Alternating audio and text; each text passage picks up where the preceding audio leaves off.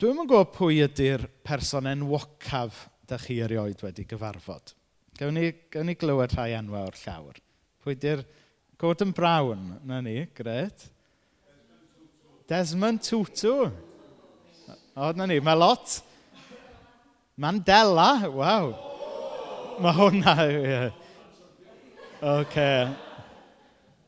Unrhyw un arall wedi cyfarfod rhywun enwog? Bryn Fôn. Dai Jones Llanilar, wel. Tony Ben. Oedd o'n aelod seneddol arnoch chi pan oeddech chi'n yn Chesterfield, ie. Yeah. Chinos ag yn... Y frenhines, wel. Margaret Thatcher. Wel, wel, wel. I ni, i ni mewn cwmni pobl fawr mae bore yma. Oedd hi'n aelod seneddol y Llygystu Dyfagu? A, reit, diddorol. Oedd un o'r ffeithiau dyd lot o bobl ddim yn deall am Margaret Thatcher yw, cyn bod hi yn mynd yn wleidydd, oedd hi'n chemist ac oedd hi'n gweithio, mae'n debyg, i'r cwmni nath ddatblygu Mr Whippy. So, so Margaret Thatcher, falle bod hi wedi cael y ffyllau glo, ond i ni'n diolch iddi am Mr Whippy. so, dyna ni. Ond ta beth, i ni, i ni falle bod, mae yna dipyn o bobl yma wedi cyfarfod pobl enwog, a mae e'n siŵr bod wedi bod yn fraint i chi gyfarfod y bobl yna. Nes i gyfarfod Tony Blair unwaith, dyna yn siŵr ydy'r person enwoca dwi wedi gyfarfod. Ond oedd dim lot gyda fe ddweud, y bod yn hollol onest. Um, mae'n siŵr oedd pethau pwysicach gyda fe wneud na siarad gyda Rhys Llwyd, ond be bynnag am hynny. Nawr, y reswm o'n i'n gofyn hynna i ddechrau yw achos pan i ni yn cyfarfod pobl, mae yna rai pobl yn creu argraff arno ni, yn does? Falle yn bobl enwog, ond mwy na thebyg, mae'r pobl sy'n creu'r argraff fwy a ddwfn arno ni ddim yn enwog. Maen nhw'n maen nhw'n bobl ddigon cyffredin, ond sydd yn anwyl i ni, neu wedi bod yn ddylanwad yn yn bywydau ni. A mae efengil lyc, a i ni'n edrych ar efengil lyc gyda'n gilydd yn oedfa fan y bore ar hyn o bryd, yn llawn pobl yn cyfarfod Iesu. A mae e'n hyfryd a mae e'n mynd i fod yn braf dros y misoedd nesaf. Gweld y gwahanol bobl yma sy'n cael y fraint arbennig o gyfarfod Iesu. A mae e'n drawiadol sut mae bywydau'r bobl yma, o'r foment maen nhw'n cyfarfod Iesu, byth yr un fath. Mae Iesu'n amlwg yn creu argraff ddwfn ar bawb mae fe yn ei gyfarfod. Mae yna rai pobl oherwydd bod nhw'n bobl balch yn cyfarfod Iesu ac yn ei wrtho de. Ond eto, mae yna rai pobl yn arbennig pobl sydd, sydd mewn angen yn cael y fraint o cael ei bywyd wedi trawsffurfio wrth gyfarfod Iesu. Nawr fel i ni'n gwybod mae efengyl lyc, mae e yn un llyfr o bedwar yn y Beibl sydd yn sôn am fywyd a gweinidogaeth Iesu. 'y ni falle'n anhofio mai beth ydy'r Beibl ydy casgliad o lot o lyfrau bach.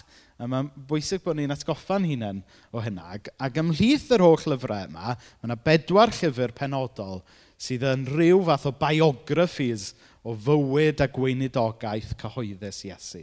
Ac un o'r llyfrau yna ydy Efengil Lyc i ni'n edrych arno fe ar hyn o bryd. I ni wedi cyrraedd penod 5 Felly mae'r darlleniad bore yma'n dod o benod 5, dechrau darllen yn adnod 27.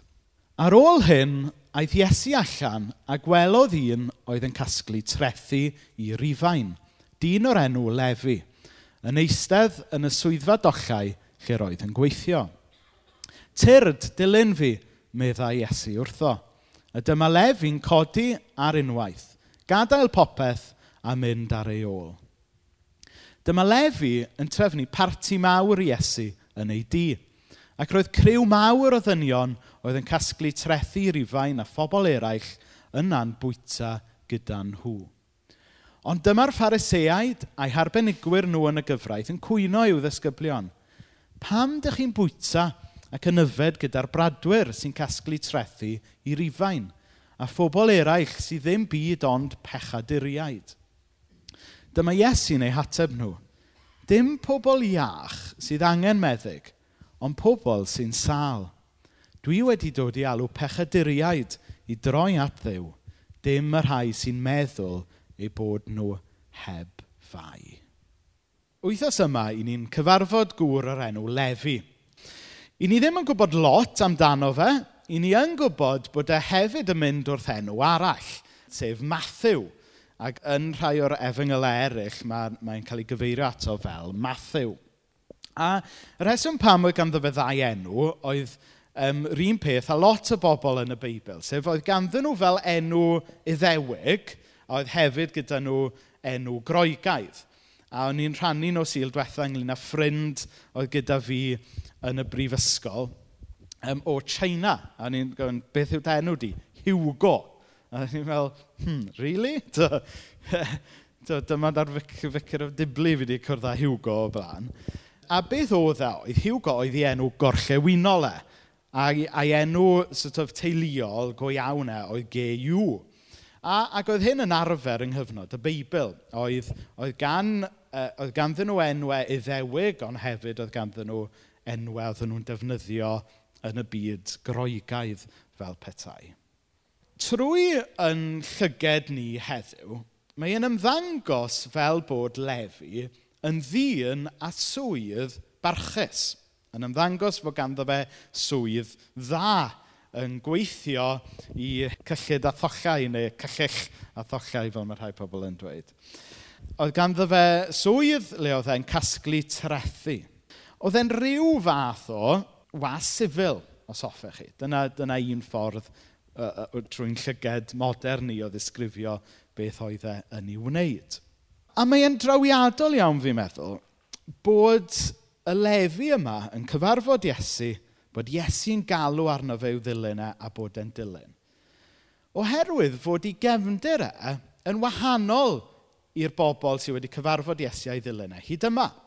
Wnaethon ni weld bod y disgyblion cyntaf yn bobl digon cyffredin, yn bysgotwyr. Wnaethon ni weld pethefnos yn ôl fod na ddyn oedd yn dioddef o'r gwahanglwydd wedi cyfarfod Iesu. A nawr mae gyda ni y dyn yma sydd yn rhyw fath o was sifil yn gasglwr trethu. Hynny mae'n drawiadol ydy fod yna gwahanol fathau o bobl, i, ond bod nhw i gyd yn cael y gwahoddiad yma i fod yn ddilynwr i Iesu Grist. Y tebygrwydd yw y bydde Lefi falle mewn sefyllfa ariannol, yn sicr mewn sefyllfa ariannol fwy cyfforddus na'r dyn yn dioddef o'r gwahanglwyf a fwy na thebyg mewn sefyllfa ariannol fwy cyfforddus na'r pysgotwyr. Ond, er gweithaf sort of natur broffesiynol i swyddau a'i gefnder e fel e, casglwr trethu, bydde fe dal yn berson bydde ar y mylon cymdeithas. Wel, Pam felly? Wel, hyd yn oed yn y dydd sydd ohoni, mae'n ma, joc yn dydy bod pobl ddim yn licio y taxman ac yn y blaen. A beth oedd can, y kinks oedd efo'r can, yma, the taxman's taken all my dole and left me in this stately home, lazing on a Sunday afternoon. Ond, i chi dod y capel. Um, Ond mi oedd casglu'r trethu yn amser y Beibl, oedden nhw yn bobl oedd yn cael ei gwthio i ymylon cymdeithas. Oherwydd, mi oedd y casglwyr trethu, oedd nhw'n casglu trethu i'r ymerodraeth Rufeinig. Oedden nhw'n casglu trethu i beth oedd yr iddewon yn gweld fel y pobl oedd yn ei gorthrymu nhw. So bydde Lefi yn cael ei weld fel gan i gyd iddewon, fel rhywun oedd yn casglu arian i elynion i bobl i hun. Chi'n eich beth fi'n meddwl? Felly byddai'r i gyd iddewon yn gweld Lefi fel bradwr, fel Dicsion Dafydd, neu fel rhywun oedd in collusion gyda'r union bobl oedd yn ei drwg i'w bobl i hun. Ac yn ein diwylliant Cymraeg, i ni yn gallu gwerthfawrogi, dwi'n meddwl, yr stigma sydd ynghlwm a cael eich labelu yn fradwr. Oherwydd i ni'n meddwl, um, i chi sy'n gyfarwydd gyda hanes yr ardal, fy streic y penryn yn ardal Bethesda. Oedd e'n streic mawr dechrau yr ugeinfed ganrif ac ar ôl rhyw dipyn oedd 'na rai gweithwyr yn mynd nôl i'w gwaith. A nath e achosi um, rhwyg enfawr yn Dyffryn Ogwen a hyd yn oed heddiw mae rhai teuluoedd yn edrych i lawr ar deuluoedd eraill gan wybod bod eu hen daid nhw wedi bod yn fradwr sydd wedi torri y streic. A mae, a mae rhyw deimladau digon tebyg hefyd yn rhai o gymoedd De Cymru, yn rhai o'r ardaloedd lle Lle gath mam i magu, lle oedd tad ci yn weinidog, adeg streic y glowyr. Thatcher yn cael mensh am yr ail dro bore yma. Rhai wedi mynd nôl i'w gwaith a cael ei, cael ei labelu fel bradwyr gan eu cymdogion. A mae hynna'n brifo, dydy. Allwn ni ddychmygu bod e'n brifo bod chi'n cael eich labelu fel baradwr. Felly allwn ni ddechrau dychmygu beth oedd Lefi yn mynd trwyddo fe wrth gario'r stigma yma o gael ei labelu fel baradwr. Oedd e'n cael ei wrthod, cael ei wthio i'r ochr hyd yn oed gan i gyd iddewon, gan i bobl i hun. Nawr rhan arall o'r broblem oedd bod lot o'r casglwyr trethiau, ni ddim yn gwybod os ydy hyn yn wir am lefi neu beidio, ond oedden nhw'n bobl anonest hefyd yn y ffordd oedden nhw'n casglu'r arian. So fysen nhw, dydwch bod nhw fod casglu pint, fysen nhw uh, er, ddim yn siŵr os nhw'n defnyddio uh, sterling yn uh, Judea adeg yna, ond dydwch bod nhw'n fod codi pint, fysen nhw'n codi dwy bint, rhoi pint i'r poced i hunain a pint i'r rhufeiniad. Dyna sut oedden nhw yn, oedden nhw'n chwgwr iawn. Ac, ac oedd hynna'n ei pethau'n wath. Oedd y casgwyr trethu yn cael ei, cael ei gweld fel pobl oedd yn fradwyr, pobl oedd yn twyllo, pobl um, ddrwg yn y bôn. Felly allwch chi ddychmygu bywyd Lefi Drian. Jyst yn mynd i weithio yn y tochborth yma pob dydd. I bobl i hun yn edrych i lawr arno fe. Fyntef o bosib yn gorfod twyllo rhywfaint jyst er mwyn codi rhywfaint arian i gynnal fe ei hun. Ond, un diwrnod, mae popeth yn newid. Un diwrnod, mae sefyllfa dywych e o gael ei ffrindiau'n edrych lawr yn y fe, ei deulu falle hyd yn oed yn edrych lawr yn y fe. Mae sefyllfa'n fe newid achos mae'n cyfarfod rhywun sy'n troi i fyd a ben i weired. Mae'n cyfarfod rhywun sydd yn gweld gwerth yno fe. Mae e'n cyfarfod rhywun sy'n fodlon i alw fe yn lefi, nid yn fradwr. A mae hwnna'n arwydd y cael yn dydy. A wedyn ni'n cael yr adroddiad fel hyn. Tyrd dilyn fi, meddai Iesu wrtho. A dyma lefi'n codi ar unwaith, gadael popeth a mynd ar ei ôl. Felly yn fan hyn, um, hynny yw, i ni'n tybio fod na fwy o sgwrs wedi bod rhwng Iesu a Lefi. Ond yr hyn sy'n arwydd y cael fan hyn yw fod Iesu wedi gwahodd Lefi i'w ddilyn e. Chos dyna be ydy Cristion, ydy rhywun sydd yn dilyn Iesu. Rhywun sy'n gweld bod e angen Iesu ac yn derbyn y gwahoddiad yna i ddilyn e. A wedyn mae Lefi yn gadael popeth ac yn ei ddilyn e. A wedyn, mae Lefi mynd mlaen wedyn i drefnu rhyw fath o barti. Um, dyma Lefi yn trefnu parti mawr i Iesu yn ei dŷ. Roedd criw mawr o ddynion oedd yn casglu trethu i'r ifain, a phobl eraill yna'n bwyta gyda nhw. So mae e'n ddiddorol yn dydy'r y parti yma sy'n cael ei drefnu a pwy sydd yna. O brysbectif iddewig, mi oedd hwn yn gasgliad o fel mae Clint Eastwood yn dweud, the good, the bad and the ugly. yn gasgliad o bobl oedd neb arall eisiau ymwneud â nhw. Yn sicr oedd yr iddewon ddim eisiau ymwneud â nhw. Yn gasgliad o fradwyr, swindlers a losers. Ond, maen nhw'n bobl mae Iesu yn gweld gwerth ynddyn nhw. Maen nhw'n bobl mae Iesu yn dymuno dod â gobaith mewn i'w bywyd nhw. A mae yna her fyna, does? Mae yna arwyddocad fyna. Fod Iesu a newyddion da Iesu, newyddion da i bawb. Beth bynnag yw eich cefndir chi, pa bynnag stigma sydd arnoch chi, beth bynnag ydy'r baggage i chi yn ei gario. Mae newyddion da Iesu, newyddion da i bawb.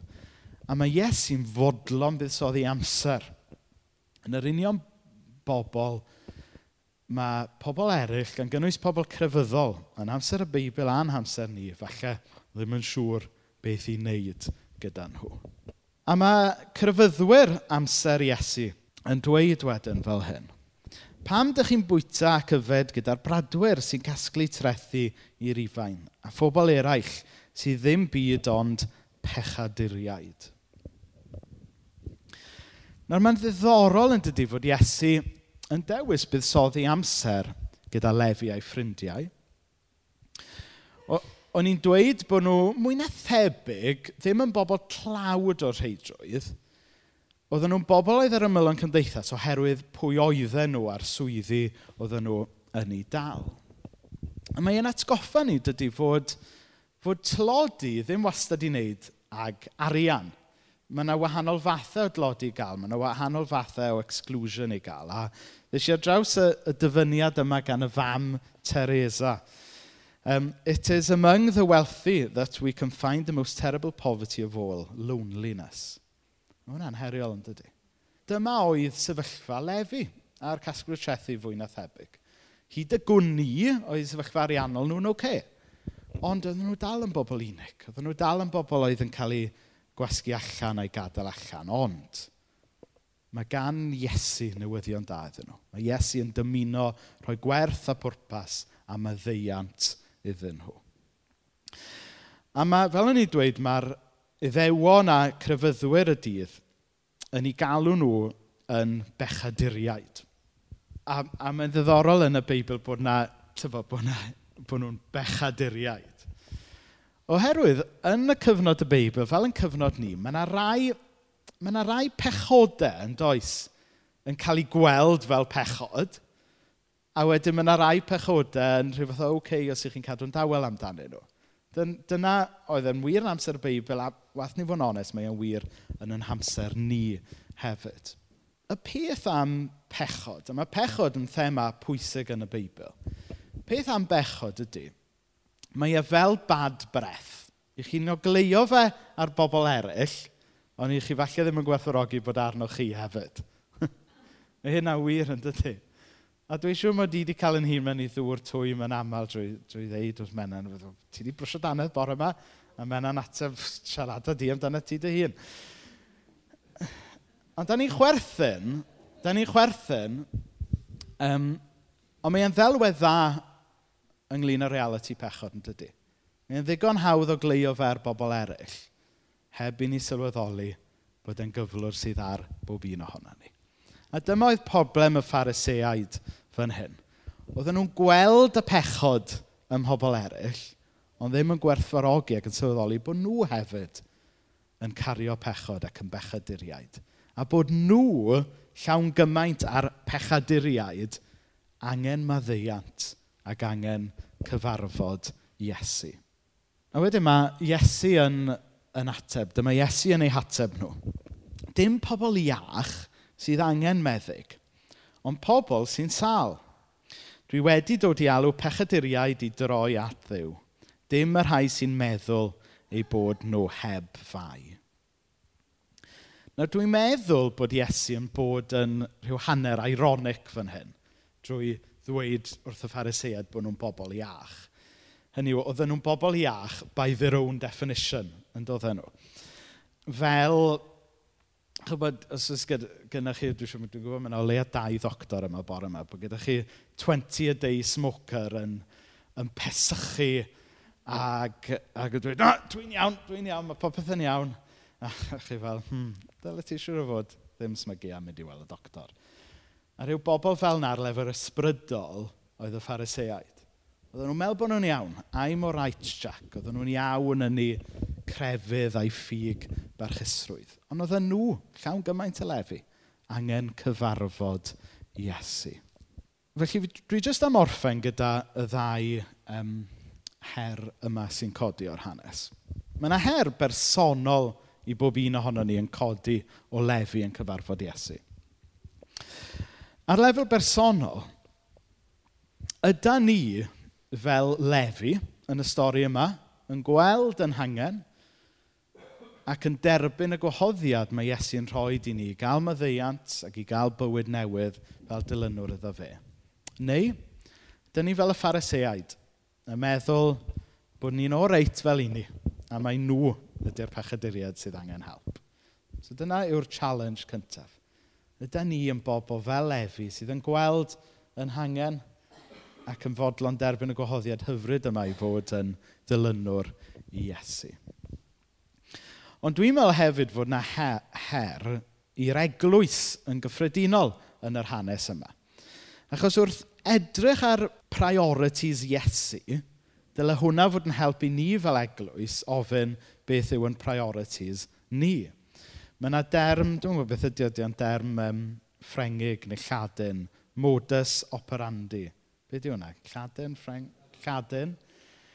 Sef, tybod, sut mae rhywbeth yn gweithredu.